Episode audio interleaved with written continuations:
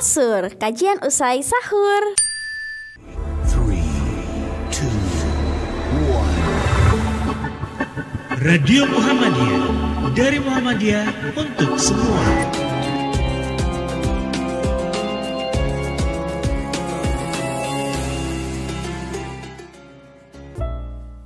Kita tidak bekerja, tidak kita isi, kita tidak jabarkan lebih lanjut. Kita kekurang ilmu memang. Ini kelemahan Muhammadiyah. Jadi saya rasa harus dimulai sekarang ini di beberapa tempat, apa di kalangan generasi muda di wilayah yang ada diskusi rutin mungkin di Jawa Timur ya, mungkin di beberapa wilayah lagi.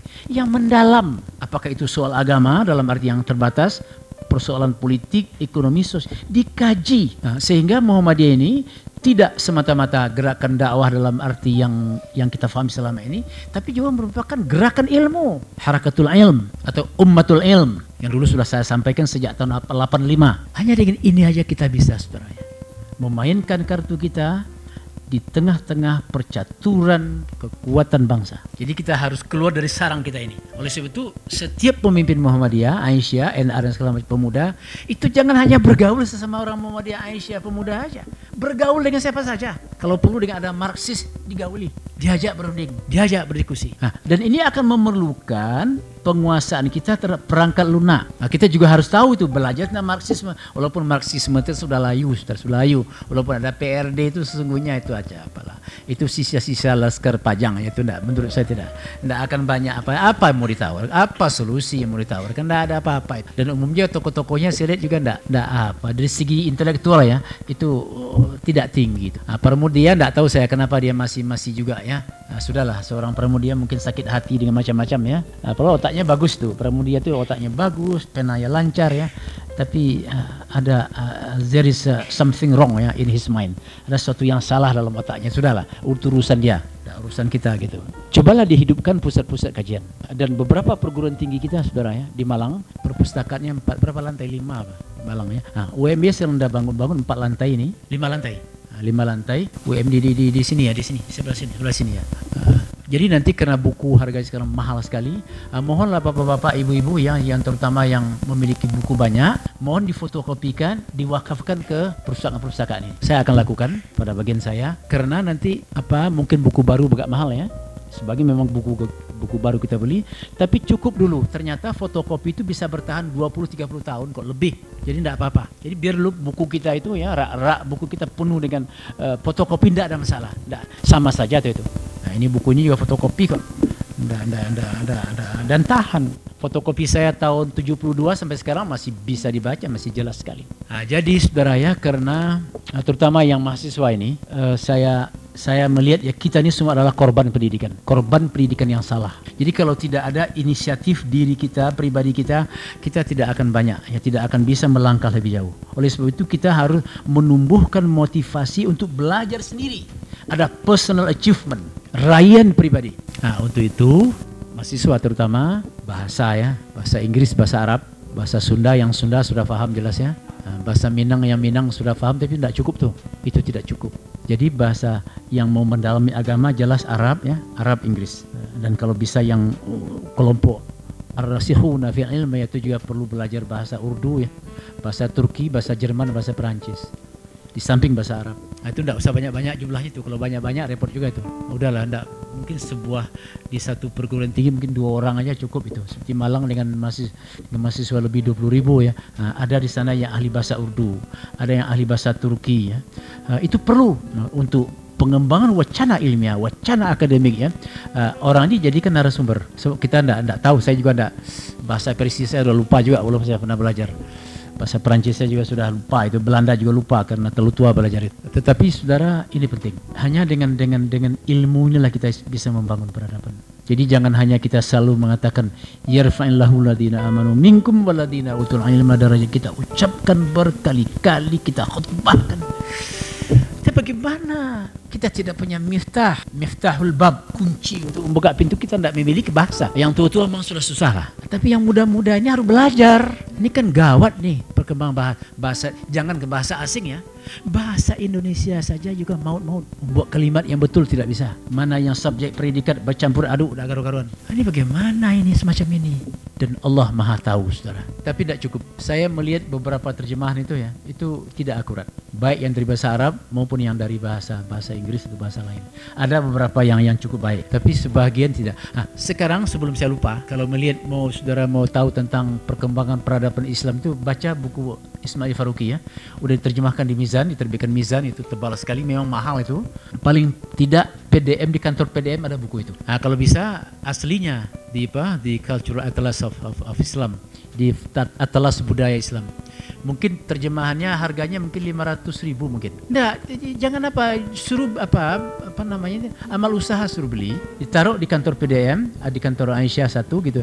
Dibaca buku itu tebal memang. Nah, supaya kita tahu apa yang terjadi pada masa lampau itu. Sebab kita kan tidak bisa tidak bisa melompat di sebuah kekosongan toh. Tidak bisa. Jadi kita sudah panjang ini, ruwet sejarah sejarah kita gemilang memang, tapi bukan tanpa persoalan. Nah, kalau itu sudah kita baca, saudara, oh tahu kita itu ke mana kita melangkah, di mana kita berada sekarang ini. Belajar ilmu sosial itu gunanya itu. Belajar sejarah, ilmu sosial, ilmu itu akan memberikan kepada kita suatu hint ya, suatu suatu suatu tanda uh, kita sedang berada di sini. Nah, kemudian agama itu akan mendorong kita oh, akan ke sana. Tujuan ditentukan oleh iman, oleh agama. Tapi di mana posisi kita itu ilmu pengetahuan sosial yang menjelaskan kepada kita. Sebentar lagi nanti kita diskusi ya sehangat-hangatnya, setajam-tajamnya. Nanti kalau saya tidak bisa menjawab, ini ya Bung Said ada sebelah saya, bantu saya atau siapa pun nanti tidak saudara. Saya ingin betul-betul Muhammadiyah akan menjadi ummatul ilm pada abad yang akan datang. So dasar Qur'annya terlalu amat-amat kuat. Jadi kalau tidak tidak tidak tidak apa ya ya sia-sia itu ayat pertama ya. Menurut sebagian besar al-mufassirun itu ikra itu. Itu kan lambang itu. Itu hentakan. Ikra baca itu. Kan luar biasa itu. Tapi kita menikmati buta huruf sekian ratus tahun. Gimana mau membaca? Yang dibaca bukan hanya ayat-ayat qauliyah ya tapi juga ayat-ayat tarikhiyah, ayat-ayat sosiologiah ya, ayat-ayat geografiah, ayat-ayat kauniyah dan segala macam. Nah, mudah-mudahan saudara ya pengajian bulan puasa ini akan menyarankan kepada kita, akan me memerintahkan kepada kita suasana ini uh, untuk bergerak lebih jauh untuk kita manfaatkan usia kita ini. Saya sudah nampak saudara, sudah hampir maghrib dan saya merasa juga saya tidak tidak banyak ya, saya merasa itu tidak banyak tidak banyak maknanya kehadiran saya di dunia ini. Diukur dengan cita-cita Al-Qur'an itu terlalu amat amat jauh. Jadi kalau Iqbal mengkritik janganlah kau mau menjadi burung alit ya yang hanya menari dari kembang ke kembang. Nah, saya itu itu burung alit yang hanya menari dari kembang ke kembang aja. Jadi kita orak langkah, kita siapkan diri dan itu bisa asal dari kemauan. Itu kemauan itu juga penting sekali itu. Nah, jangan karena sibuk mengurus rumah sakit, sibuk mengurus TK Aba atau rumah sakit apa, apa, apa, apa Muhammadiyah atau PTM atau ranting segala macam lupa membaca. Bawa buku, dibawa Quran. Nah, ini saya yang pandai bahasa Arab uh, Quran kecil tafsir yang semacam ini penting sekali. Walaupun ini klasik ya, uh, ini uh, Asyuti ya, ini ada Asban Nuzul, ada apanya ini ini menarik ini. Uh, yang yang tidak bisa bahasa Arab, uh, mohon cari yang terjemahan bahasa Inggris. Uh, kalau tidak, ya yang cari bahasa Indonesia agak tebal memang ya, jadi agak tebal itu memang harus dibawa apa? Tapi yang kecil, uh, siapa tahu nanti pada masa yang akan datang ya percetakan Indonesia bisa membuat juga tafsir kecil dalam bahasa Indonesia. Ini Arab ini memang luar biasa di pinggir-pinggir di mana-mana nyelimpit-nyelimpit gitu, tapi kan sangat komprehensif. Nah, katanya juga sudah ada dalam bahasa Inggris saya belum tahu. Amin punya katanya, saya saya, saya belum punya. Nah, saya punya yang bahasa Arab sudah saya beli beberapa kemarin. Uh, walaupun bahasa Arab saya dengan kamus ya, tidak usah malu-malu dong ya bahasa Arab dengan kamus kan lumayan toh. Inilah beberapa hal saudara. Jadi Muhammadiyah ini tidak boleh berhenti di sini. Jadi janganlah walaupun Taufik menghibur kita slow but sure. Ya. Itu kan pelan tapi pasti. Pastinya ke mana? Hah? Mau di lorong-lorong kecil ini itu ya. Lorong-lorong kecil kita ada di situ ya. Oleh sebab itu uh, saya senang dengan teman-teman dari Palembang ya. UMP-nya itu di, di pinggir jalan raya, rumah saya pinggir jalan raya. Uh, jangan jangan saudara terpengaruh oleh sufi-sufi yang yang tidak benar ya. Muzulah lah ya. Fatuba lil wuraba mana-mana itu kenapa di situ? Di pinggir-pinggir tempat becek ya. Nah, inilah kita. Di sini kita bermunajah dengan Allah ya. Itu kan lambang dari keputusasaan. Masuk arus tengah. Jadi kalau bisa amal usaha di pinggir pinggir jalan raya. Oleh sebab itu kita juga sekarang ini PP mau, mau pindah kantor ini. Ya, rumah Pak R itu kita mungkin dalam beberapa bulan ini sudah jadi tapi belum semua. Di sana agak lumayan di sana. Eh, nanti mau dibangun. Jadi saudara yang konglomerat eh, kalau mau bantu PP boleh ya. Jadi eh, kita bangun eh, kantor PP Muhammadiyah eh, berdekatan dengan panti rapi kan bagus pusat. Eh, kantor PP Muhammadiyah. Nah, itu. jadi ini agak garang sedikit gitu loh aja. Agresif dalam arti yang positif. Ya. Agresif dalam arti yang positif. Itu perlu jadi janganlah lagi boleh memang anda kita ini nanti pas dua menit lagi saya berhenti kita perlu ya eh, memperbanyak yang namakan riadah ya kegiatan-kegiatan kerohanian itu penting semua tapi itu untuk menopang untuk membacking sesuatu yang besar yaitu untuk menopang membacking peran sentral kita di muka bumi. Jadi bukan hanya sekadar spiritual spiritual uh, seperti nasihat Al Ghazali saya tidak suka itu. Jalan sufi pada akhirnya ya. Dia pergi ke ke, ke Damaskus.